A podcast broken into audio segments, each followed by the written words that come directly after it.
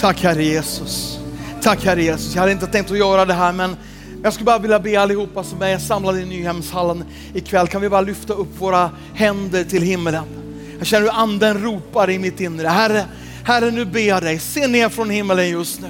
Se ner över en ung generation som hänger sina hjärtan till dig. Gud, du såg en ung kille som hette Gideon som inte ens trodde på sig själv, men du kallade honom en tapper stridsman. Gud, du såg ner över en tonårstjej som hette Maria och i denna enkla lilla flicka såg du potentialen att bli mamma till din son. Gud, du såg en enkel herdepojke och du såg potentialen att bli den bästa kung Israel någonsin hade haft. Gud, jag ber dig i den här lokalen ikväll, att du ska skapa en fri, ett fritt utrymme för unga att drömma som de aldrig har drömt förut. Att byta ut en gammal låg självbild till din bild Herre. Du som säger att ingenting är omöjligt.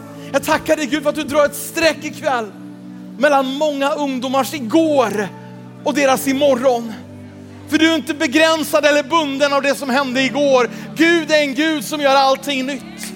Så Herre, vi tackar dig nu för att du talar, och för att du verkar och för att du berör ungdomar på djupet. Inte bara för vår egen emotionella upplevelses skull, men därför att hela den här världen är full av människor som behöver dig och behöver bli berörda av dig. Och det är därför vi är här.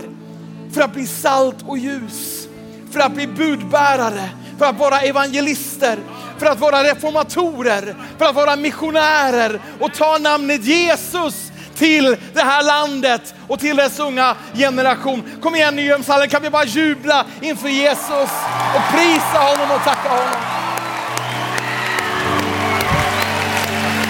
Yes, tack Gud.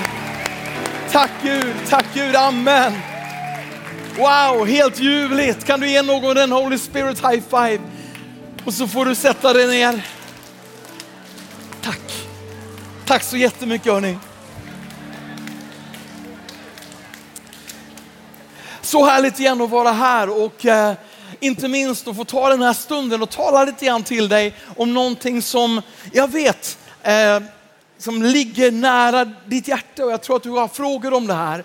Och, och jag tror också genom Guds nåd att vi ska få kunna förklara lite grann om hur det funkar när det gäller hur du kan höra Guds röst hur du kan höra Guds röst. För det finns ingen lägre myndighetsålder för att höra Guds röst eller vara ledd av den helige ande. Och jag tror att i den tid som ligger framför så är det viktigare än någonsin att Guds folk, Guds församling inte bara går på rutiner utan också lyssnar in. Vad vill den helige ande säga nu och vad vill den helige ande göra nu?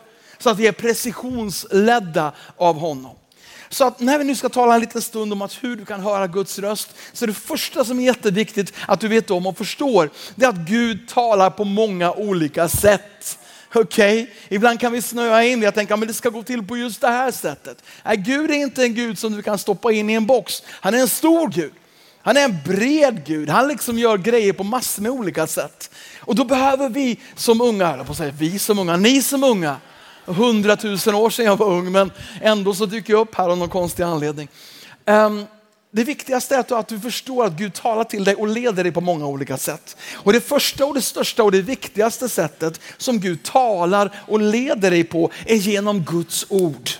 Och det är fundamentet för allting annat. Han leder dig och talar till dig framför allt genom sitt ord. Och det står en så skön vers i andra Timoteus brev kapitel 3 och vers 16. Det står hela skriften är utandad av Gud. Utandad av Gud. Vet du, när Gud andas så kommer den heliga ande ut. Gud har inga problem med dålig andedräkt överhuvudtaget. När han andas kommer anden ut. Det ser vi när han formar människan i skapelsens gryning. Han formar människan, står det i första Moseboken 2, av stoft. Och sen andades han livsande in i människan och så blev människan en levande varelse. Och så efter uppståndelsen när Jesus lever igen, Johannes kapitel 20, när han möter sina lärjungar så står det att han andades på dem och sa ta emot den helige ande. Så när Gud andas kommer, när Gud andas kommer den helige ande ut och så står det här att skriften är utandad av Gud. Med andra ord, den helige ande bor i varenda gripande ord som du läser. Vilket innebär att när du läser Bibeln får du inte bara information om Gud, du har gemenskap med Gud. Och varenda ord som du läser så, så får du en erfarenhet som du kanske inte ens är medveten om av den heliga ande. Som kommer att göra det lättare för dig att lyssna in hans röst och hans ledning. Så det är det första och det viktigaste. Gud leder dig genom Guds ord. En annan sak som Gud använder för att leda dig och tala till dig är det vi skulle kunna kalla för goda traditioner. Och nu vet jag att det här är en pingstkonferens och ibland så är vi liksom andefyllda kristna lite så här småavtända på ordet traditioner. Jag hör ibland så här andefyllda kristna som jag själv liksom fnysar lite grann åt det här med, ja, jag håller inte på med traditioner. Jag är inte religiös, jag är fri i Kristus. Kurabalabalaba. Låt mig bara säga så här då, bryta ner det lite grann för dig. Jag hoppas för den personens skull som sitter bredvid dig att du är en anhängare av traditionen att ha på dig deodorant varje dag. Hoppas för den andra personen som sitter på andra sidan om dig att du gillar traditionen att borsta tänderna, tvätta kläderna emellanåt, ta en dusch då och då. Kom igen, traditioner är inte bra eller dåligt. Det beror på vad det är du gör. Traditioner är bara att du gör en och samma grej om och om och om igen. Och när du bygger in goda traditioner i ditt kristna liv, typ att läsa en liten bit i Bibeln varje dag, att ta en liten stund i stillhet inför Gud på morgonen innan dagen har börjat. Eller en av de grymmaste traditioner du kan bygga in i ditt liv, att gå i kyrkan varje söndag. Inte för att du kanske råkade känna för det när du vaknade, eller för att du kände anden tydligt säga till dig, utan för att det är en god tradition. Och vad kommer den här traditionen att göra? Det kommer att göra att varenda vecka så kommer du att komma in i ett lovsångssammanhang. Du kommer att vara med i gemensam bön. Du kommer att höra Guds ord predikas och du kommer att vara en del av de heligas gemenskap och du kommer att höra tydligare och klarare Guds röst och Guds ledning. Jesus hade goda traditioner. Det står om hans familj när han var liten att när påskhögtiden kom så gick de som deras sed var upp till templet. Och lite längre fram står det om honom själv att när sabbaten kom så gick Jesus så som hans sed var till synagogan. Goda traditioner kommer att sätta dig i omloppsbana kring den Gud som du vill lära dig att lyssna på. Det står faktiskt ett bibelord om, om när en god tradition faktiskt genererade ett, ett av de största och viktigaste miraklen i apostlagärningarna. I apostlagärningarna 3 handlar nästan hela kapitlet om att en lam man blev botad.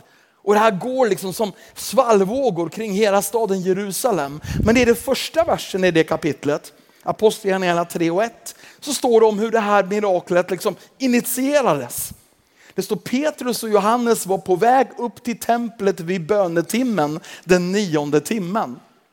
Med andra ord, Petrus och Johannes hade en schysst god tradition installerade sina liv. Om vi är i Jerusalem, då går vi upp till templet och ber vid den nionde timmen. Och därför att de gjorde det och hade den där traditionen i sina liv så ledde anden dem förbi en lam man vid den sköna porten. Och de får betjäna den mannen med Guds helande och han blir fullständigt helad. Förstår du vad jag menar? När du bygger in goda traditioner i ditt liv och motiveras och drivs av dem och inte bara vad du känner för för stunden så kommer du också göra dig själv mycket mer benägen att höra Guds röst och ledas av den heliga ande. En annan grej som Gud använder för att tala till dig är det jag kallar för kristet sunt förnuft. Och det är grundläggande när du gör vad du kan för att leva enligt Jesu basic undervisning. Han säger älska din nästa. När du försöker göra det så kommer du att höra hans röst tydligare och ledas av den. Han säger be för dina fiender och för dem som förföljer dig. Och när du gör det så kommer du också öppna dig mer och mer för hans röst och hans ledning. När du gör de här basic sakerna som Jesus har sagt till oss att göra, hjälpa de fattiga, ge generöst, alla de här grundläggande, grundläggande stenarna i den kristna tron, så kommer Gud att leda dig i och genom det. Och då kan man säga så här, du skulle kunna ledas av Guds ord, goda traditioner och kristet sunt förnuft enbart och ha ett grymt liv.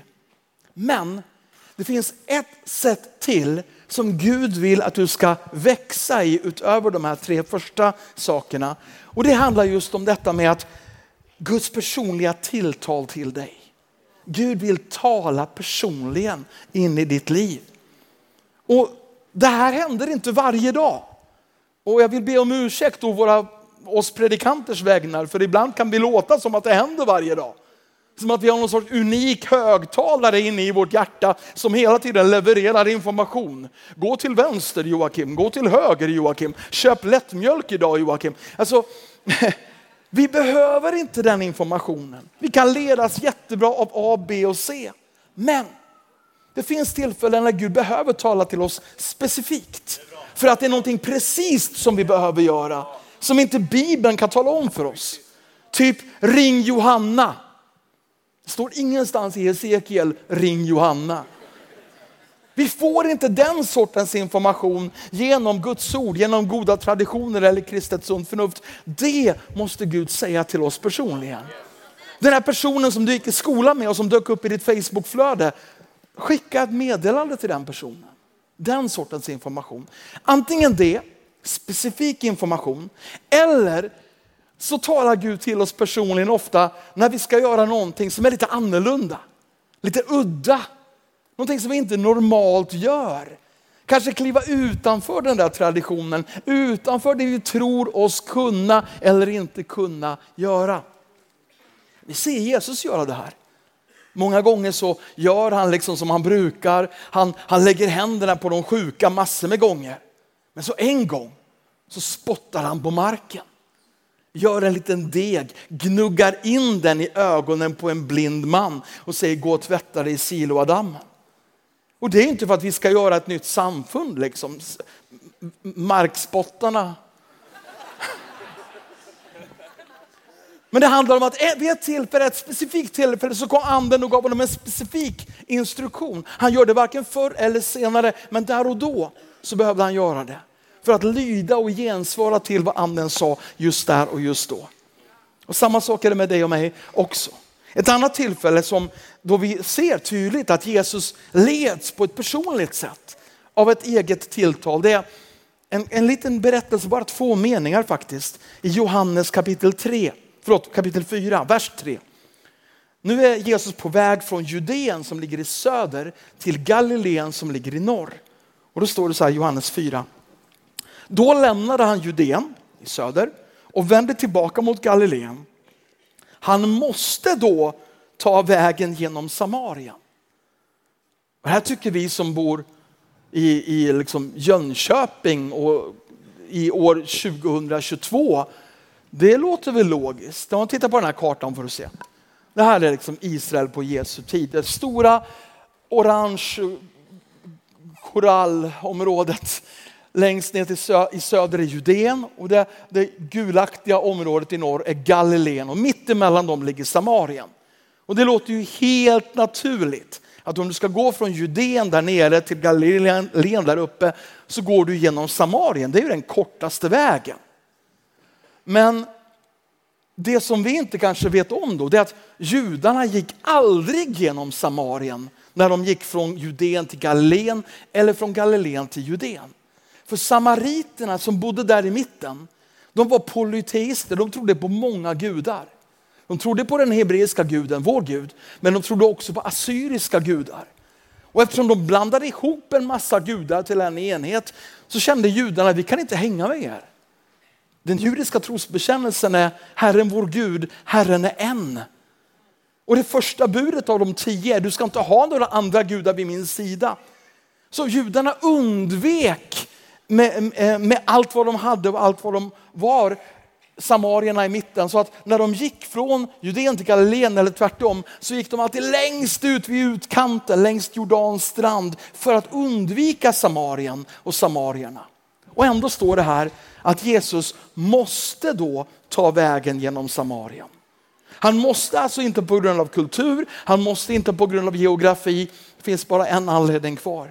Han måste den gången För att anden sa till honom att göra det. Någonting annorlunda, någonting ovanligt. Och varför säger anden det här? Därför att anden vet att utanför staden Samaria så sitter en kvinna vid en brunn och hennes hjärta är öppet. Och Jesus går lydig andens maning via Samarien och han möter den här kvinnan. Hon blir den första som får höra från hans mun att Jesus är Messias. Hon springer in i sin stad och blir den första evangelisten i Bibeln, i Nya Testamentet. Och som ett resultat kommer en hel stad till tro. Det här hade aldrig hänt om Jesus bara hade gjort sin grej på rutin. Och det här påminner oss om hur viktigt det är att vi lyssnar in Guds specifika tilltal just till dig och mig.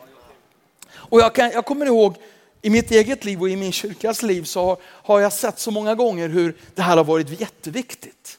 När Jag kom till tro, jag var 16 år gammal. Jag åkte på min första missionsresa när jag var 17 in i Sovjetunionen. Okej, det här var liksom innan glasnost och perestrojka och allt vad det hette. Sovjetunionen var en stängd nation. Det var olagligt att predika evangeliet där och jag tänkte jag fick åka in med så här erfarna Sovjetmissionärer och vi, vi sydde in nya testamenten på ryska i våra jackor. Vi var jagade av KGB, hemliga polisen där inne, som förföljde oss i bilar. Och jag satt vid baksätet på en vilt skenande bil och tänkte, okej, okay, innan så brukade jag titta på actionfilmer, nu är jag i en actionfilm. Och vi gjorde så mycket vi kunde trots att det här landet var stängt. Men så kom ett tilltal till oss, ett profetiskt budskap. Och vi är inte den sortens församling som bara springer i alla riktningar för att det har kommit en profetia. Men det här budskapet gick rakt in i våra hjärtan och vi kände vi måste våga lita på att det här är Gud. Och ordet som kom, budskapet som kom, det var samla in 40 miljoner kronor på fyra år. För järnridån kommer att falla, Sovjet kommer att kollapsa och Ryssland kommer att öppna för evangeliet. 40 miljoner på fyra år. By the way, vi var 300 pers i församlingen på den tiden. Och för 300 pers att samla in 40 mille, det känns lite som en stretch. Men genom Guds nåd och människors enorma generositet så efter fyra år hade vi lyckats samla in 41 miljoner kronor. Och när de fyra åren var till ända, vad hände då? Sovjetunionen kollapsar. Landet öppnar upp för evangeliet och vi är superberedda. Vi köpte hundratals videobandspelare. Jag sa att det här var länge sedan, okej? Okay? Skickade in dem i hela forna Sovjetunionen, spelade in massor med bibelundervisning och väckelsemöten på videoband på ryska. Och pumpade hela Ryssland fullt med den här undervisningen. Massor av våra unga eh, par var beredda redan i sina hjärtan att åka in i forna Sovjetunionen och bli missionärer. Och första året när vi började liksom på allvar dundra in i Ryssland, därför att vi kunde, för att det var öppet nu, så fick vi kontakt med en, en rysk KGB-general. Han var inte kristen någonstans. Men han gillade vår entusiasm. Och så sa han till, till en av våra missionärer, alltså jag vet inte varför jag säger det här. Men jag, har, jag förfogar över ett tåg. Och det här tåget är vårt kommunistpropagandatåg som vi har åkt omkring i Ryssland och spridit budskapet om kommunism med. Men nu står det ju bara och hänger. Så vi gör så här, om ni vill använda det här tåget för att predika ert budskap så får ni tillgång till det. Och vi tänkte, ha ha ha ha. Så, under två års tid så skickade vi en ungdomsteam som bådade det här tåget och åkte fram och tillbaka längs den transsibiriska järnvägen som spänner över hela Ryssland. Och i varenda stad så hade vi torgmöten och delade ut biblar och predikade om Jesus. Och varenda stad längs den här järnvägen nu finns det en blomstrande stor kristen församling som ett resultat. Och i de här mindre byarna och samhällena där vi inte hann stanna bad vi tågchauffören eller vad de heter som kör tåg och sakta ner. Och så öppnade vi fönstren och kastade ut ryska böcker om Jesus och kastade ut ryska nya testamenten. Och folk sprang bredvid tåget och tog emot dem och vi bara bad att de skulle få bli till välsignelse. Och vet du, jag berättade den här storyn för tre år sedan i Melbourne i Australien. Jag var där och predikade om mission. Och efteråt kommer det fram ett par till mig. Tårar rinner ner för deras ögon. Och de sa, vi var två av dem som sprang bredvid det där tåget. Vi fick tag Vi fick tag på ett ryskt nya testamente. Vi läste om Jesus och vi tog emot honom i våra hjärtan. Och nu är vi pastorspar för en rysktalande församling i Melbourne, Australien. Kom igen Nymens alla.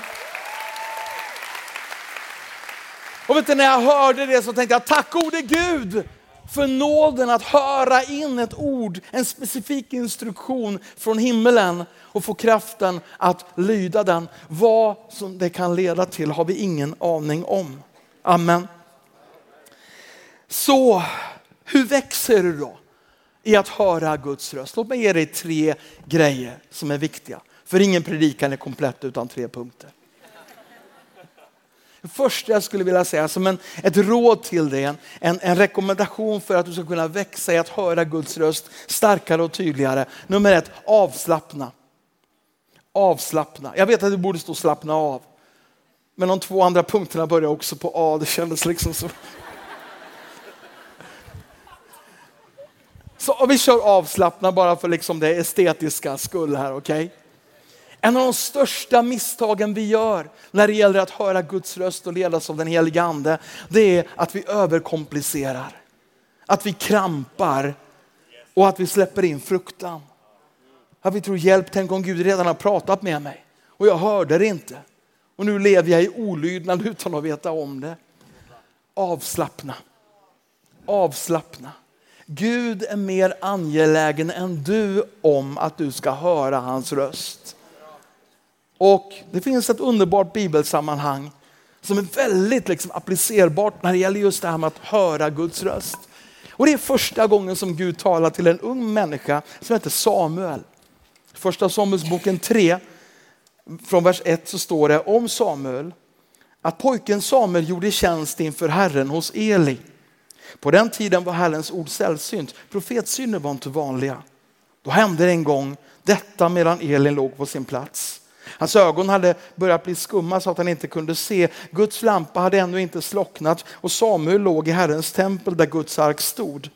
Då kallade Herren på Samuel. Det är första gången som Samuel som har växt upp i templet, han vet jättemycket om Gud, men det är första gången som han hör Gud tala rakt in i hans liv. Och några saker som vi lär oss bara från den här texten det är att Samuel gjorde sig själv tillgänglig genom att vara på rätt plats och göra rätt sak. Han var på rätt plats i templet och han gjorde rätt sak. Han tjänade Gud i templet. Vet du, du kan kvala in för att höra Guds röst genom att vara på rätt plats och göra rätt sak. Och vad är ditt tempel? Din lokala församling. Att du är rotad i en församling. Du har en plats som du kan kalla ditt hem. Och vad gör du i den platsen? Du gör rätt sak. Tjäna. Gör det du kan. Bidra till den stora helheten. Och jag lovar dig, om du är på rätt plats och gör rätt sak som Samuel, så kommer Guds röst att bryta igenom i ditt liv när du behöver höra den. Och det andra som jag älskar med den här storyn, det är att Samuel, när han väl hör Gud tala, tror att det är Eli, prästen. Och du vet, vi, i alla tecknade bibelfilmer så talar ju Gud genom en så här otrolig mörk högtalare med massor med reverb. Liksom. Samuel! Om Gud hade talat på det sättet så hade aldrig Samuel misstagit den där rösten för Eli. Förstår du vad jag menar? Gud talar så avslappnat och enkelt att Samuel missar och tror att det är en människa som talar. Och det här är ett av de vanligaste misstagen vi gör. Vi tror också att det är en människa som talar, nämligen vi själva. Vi tror att den här tanken som vi hörde kom från oss själva, bara för att den inte var så dramatisk. Avslappna. Jag kan säga det så här, de flesta gånger som Gud har använt mig tydligt och klart och sagt saker och, eller lett mig på övernaturliga sätt så har det skett så naturligt att jag inte fattat att jag var ledd förrän efteråt. För några år sedan så var jag i Mexiko, talade på ett gripande pastorsseminarium, 800 mexikanska pastorer i Mexico City, huvudstaden. Och det var en tre dagars grej. Och, och, varje morgon så hämtade en ny kille upp mig från hotellet. Så att det var liksom en ny bil och en ny kille som kom varje, varje morgon. Så de sista dagarna av de här tre så kom den här nya killen då och jag hoppade in i hans bil. Och det var en folkvagn bubbla från 1967. En sån här riktig äkta grej liksom. Och den skramlade om den när den kom åkande. Jag är en ganska lång person så jag fick liksom vika ihop mig för att få plats där inne. Och så drog vi iväg och hela bilen vibrerade. Och jag hade inte träffat den här killen tidigare så jag började liksom småprata med honom och frågade om namn och, och hans familj och sådär. Medan vi liksom vibrerade fram där på highwayen utanför New Mexico, eller Mexico City. Och, eh, och så frågade jag honom, vad, vad gör du i kyrkan då? Och då var han tyst. Och det kändes som att det var en pinsam fråga att ställa. Och efter ett tag sa han, alltså, om sanningen ska fram, sa han, så har jag det inte så bra med Gud längre. Alltså, men okej, okay, vad, vad, är det som har hänt? Berätta. Och så började han berätta en riktigt hjärtslitande historia. Hur han brann för Jesus när han var barn och i sina unga tonår. Men sen i slutet av tonåren hade han fattat några felaktiga beslut, gjort några felaktiga vägval. Och nu så var han övertygad om att Gud inte ville ha med honom att göra längre. Att Gud var besviken. Och så började han liksom gråta när han återberättade det här. Och jag började tala till honom och säga, men du vet du vad? Jesus är här med oss i bilen. Det finns en ny chans för dig. Han kan förlåta dig och rena dig. Han är inte arg på dig. Han älskar dig. Han vill ge ett nytt, en ny start, ett nytt kapitel. Och han började gråta så intensivt att bilen skakade ännu mer. Och jag bara, så vet du vad? Kör in till kanten. Och så parkerar vi på den här highwayen utanför Mexico City och där sitter jag och predikar evangeliet och Guds ande kom och fyllde hela bilen. Det var inte så mycket utrymme för honom men det fanns ändå. Och, och jag frågar honom mitt i liksom gråtattackerna där, får jag be för dig? Vill du bli ett Guds barn? Vill du bekänna Jesus? Ja, det vill han göra. Så vi bad tillsammans och han öppnade sitt hjärta och tog emot Jesus och blev fylld med den helige ande där vid highwayen. Och han grät och skrattade och det var en så här underbar gudstund. Men, men så fick jag lov att börja titta på klockan och så vi blir försenade. Så jag sa till honom efter ett tag att okej, okay, alltså det här är underbart, det är jättebra, men vi måste verkligen åka nu för klockan är, är alldeles för mycket och, och jag kommer att bli sen till, till dagens pass. Så skynda dig till kyrkan nu är du snäll. Och tittade han på mig igen. Och sa han så här, alltså vi är på väg till flygplatsen. Och jag sa nej, nej, det är imorgon. Gripande. Jag har en dag kvar, du måste ta mig till kyrkan. Det är imorgon som jag ska åka härifrån. Han bara tittade på mig alldeles tyst. Och så sa han några ord som jag förmodligen aldrig kommer att glömma i hela mitt liv. Du är Mr Williams, eller hur?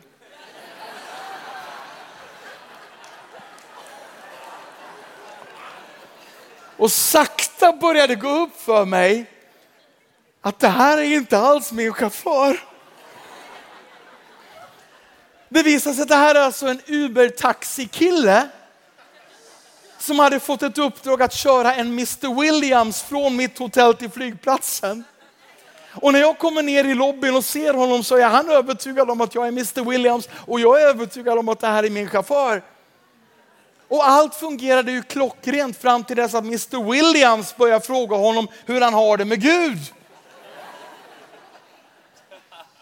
Och plötsligt fattar jag, kära någon, hur mycket himmelsk koordination gick in i det här projektet utan att jag var medveten om det överhuvudtaget. Och så kunde jag inte låta bli att tänka, vänta nu, klev Mr Williams in i bilen med min chaufför? Blev Mr Williams frälst och fylld med den helige ande? Vissa saker får vi bara reda på i himlen. Men min poäng är att jag upplevde ingen röst, inget tilltal, ingen gåshud. Jag försökte bara vara på rätt plats i rätt tid. Och det är så Gud vill leda dig också. Avslappna, okej? Okay? Kan vi jubla lite grann för Jesus Nyhemsvardag?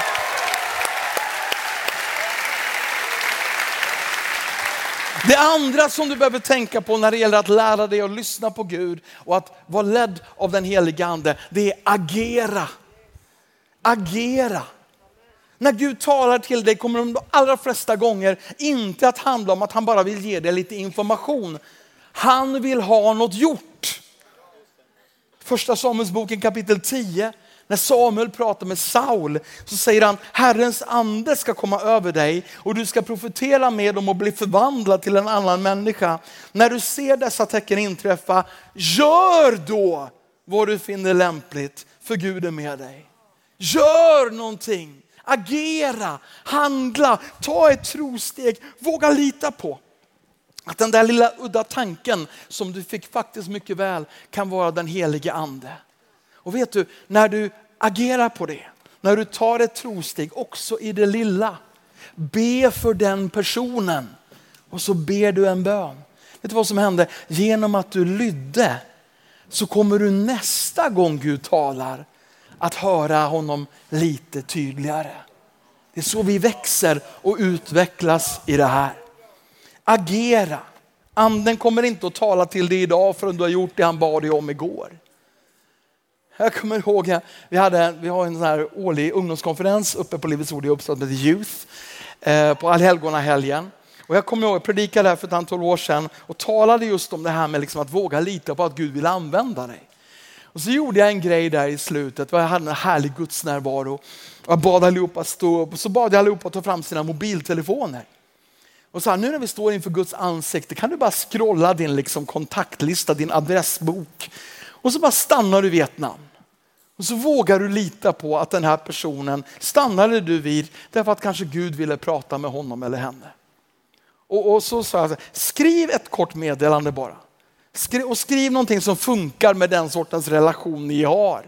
Om du redan har delat Jesus med den här personen kan du skriva lite mer ingående. Har du aldrig berättat om Jesus så kan du bara skriva någonting grundläggande om honom. Och, och vågar du inte det så kan du bara skriva du vi måste verkligen prata när jag kommer hem igen. Eller någonting sånt där. Skriv ett meddelande. För jag ville bara hjälpa de här ungdomarna att agera och våga lita på att Gud kan tala till dem. Och när vi hade allihopa hade skrivit eh, meddelandena så sa jag, okej okay, kan du lyfta upp dina tele, din telefon nu i luften? 3000 mobiltelefoner lyfts upp i luften och så bad vi i Jesu namn Fader. Vi tackar dig för att du välsignar de här smsen som kommer att skickas ut. Som i dina ögon är typ frön som planteras i olika hjärtan. Och så gjorde jag en nedräkning. Tre, två, ett, skicka! Och telefonnäten bröt samman över hela Uppsala. Det spännande var att när mötet var slut så kom, stod det en lång kö med ungdomar som ville prata med mig. Och de höll fram sina mobiltelefoner så här. För de hade fått svar från de här random personerna som de hade mässat. Och en efter en av meddelandena som kom tillbaka började med typ, hur kunde du veta vad jag behövde höra? Hur kunde du veta vad jag tänkte på just nu? Och kanske det mest dramatiska mässet som kom visade sig komma från en tjej någonstans uppe i Norrland, i Skellefteå tror jag att det var. Och den här tjejen hade suttit ensam inne på sitt rum och verkligen brottats med tankar på om Gud finns eller inte. Och så hade hon suttit där helt ensam och så hade hon sagt så här rakt ut i ingenting. Gud, om du finns, ge mig ett tecken. Pling!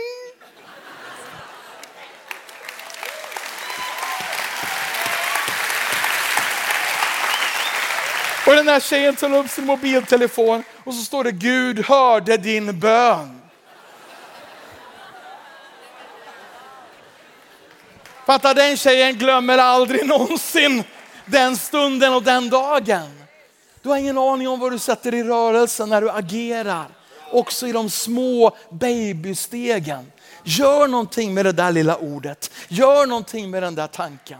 Och det sista jag vill säga innan vi ska be tillsammans här nu. Jag ska be att Guds ande ska börja röra sig i dig som aldrig förr. Och att du ska få en känslighet och en lyhördhet på insidan. Att ledas av honom och höra hans röst.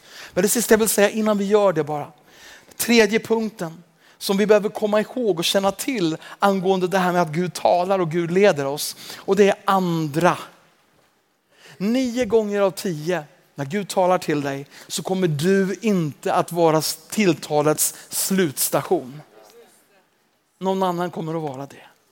Och Gud kommer att tala till dig om att hjälpa någon annan. Han kommer att tala till dig om att be för någon annan. Han kommer att tala till dig om att dela Jesus med någon annan.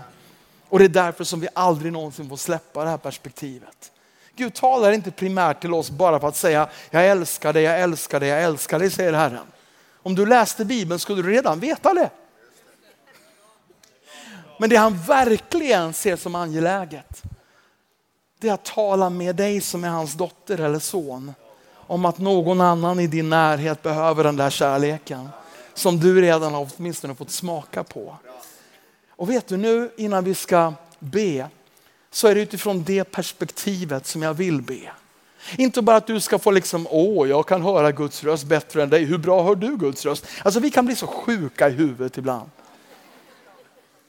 Ja Herre, sänd din eld. Sänd din eld! Ibland tror jag Gud bara tittar ner på oss och säger, om jag gör det, vad ska du ha den till? Alltså seriöst, ska du bara stå där och battla med dina kristna kompisar om vem som är mest brinnande? Gud sänder bara sin eld till dig av en anledning, för att du ska göra din värld lite ljusare och lite varmare. Det är vad det handlar om. Det är vad det handlar om. Inte att vi ska bräcka varandra i vilken kyrka eller vilket samfund som är mer brinnande än något annat. Gud hjälpe oss. Det står om den här kvinnan som jag predikade om tidigare här ikväll. Hon som letar efter ett borttappat mynt. Att hon tänder ett ljus och letar noga. Kvinnan är Gud, det där borttappade myntet är en människa som behöver Jesus. Vad är det där ljuset för någonting? Det är du. Du är världens ljus, säger Jesus. Och Gud vill sända sin ande över dig, sin andes eld, så du kan lysa upp världen och din verklighet lite mer. Så att Gud genom dig ska kunna hitta och vinna tillbaka det där förlorade myntet. Och här och nu bara känner det, det brinner så i mitt hjärta och har gjort varenda gång jag har bett för den här stunden. För jag vet att det här handlar om så många människor. Vi är massor av unga människor i den här salen ikväll. Men du kan lyssna in Guds röst för så många människor som aldrig kommer att se någonting av Gud förutom genom dig. Och jag tror att Gud tog hit dig för att han visste vad jag skulle säga och för att du behövde höra det. Och helt oavsett om hur ditt liv har sett, till, sett ut fram till nu så är Gud beredd att dra ett streck bakom det, förlåta och lägga allt det där i glömskans hav. Men han vill att du lämnar den här kyrkan ikväll med en visshet om att han vill tala till dig för att hjälpa någon annan. Så i hans närvaro ska vi bara ställa oss upp en liten stund och öppna våra hjärtan för att låta honom göra det. Och jag kände när jag bad och förberedde för den här stunden att jag fick lite så här specialinstruktioner ifrån anden. Så vad jag skulle vilja nu att du gör, det är att du, att du bara sluter dina ögon en liten stund.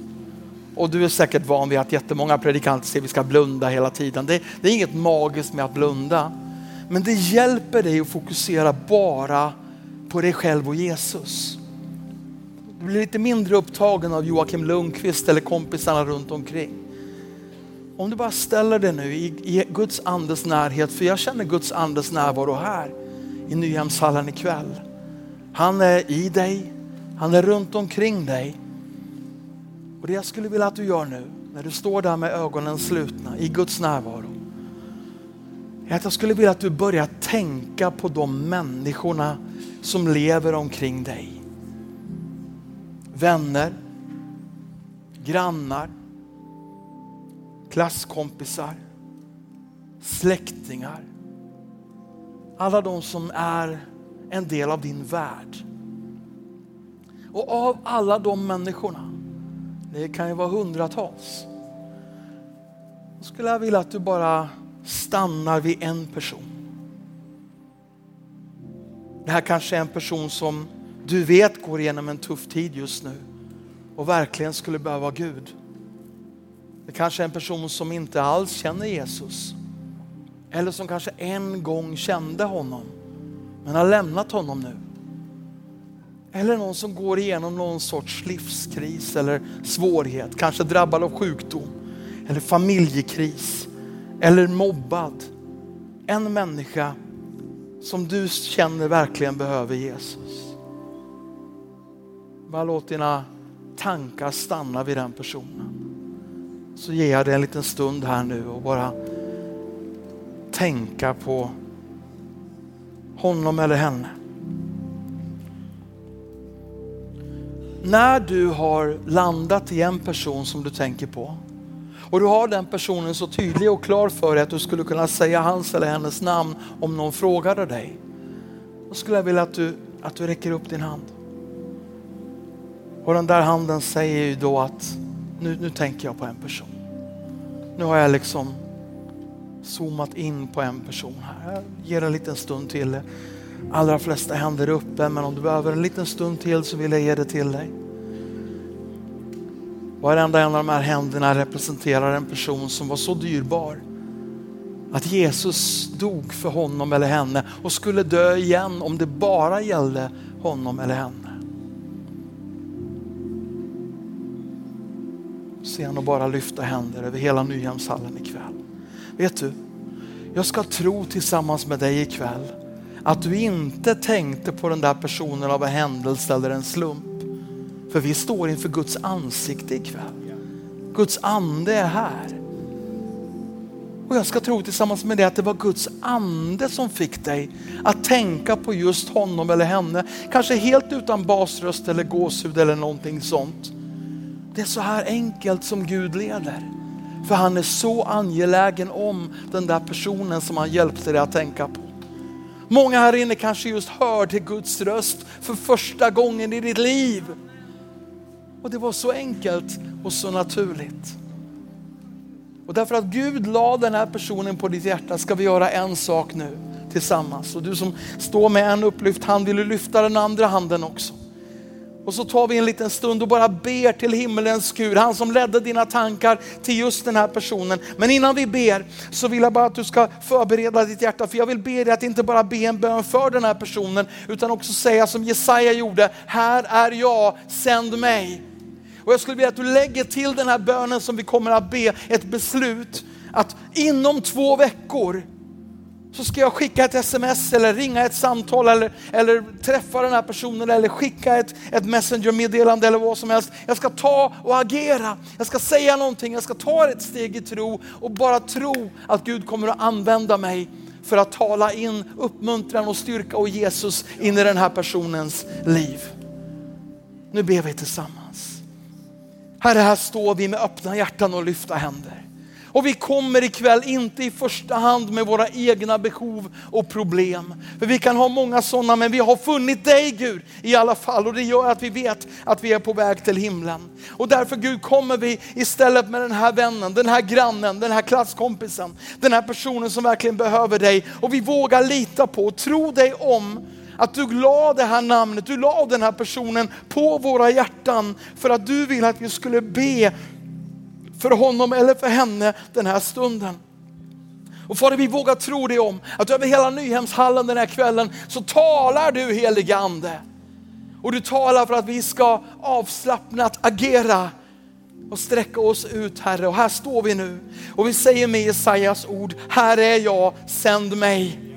För många här inne kanske det är första gången som de sträcker sig ut och skickar ett sms om Jesus. Tar ett telefonsamtal och berättar om att de faktiskt är kristna. Bara blir en, en utsträckt arm ifrån himmelen till den här personen Gud. Men jag tackar dig att utifrån de beslut som formas ikväll och de böner som bes just nu så kommer din kärlek att nå fram till hundratals unga människor i det här landet. Din kärlek kommer att nå fram till hundratals Herre.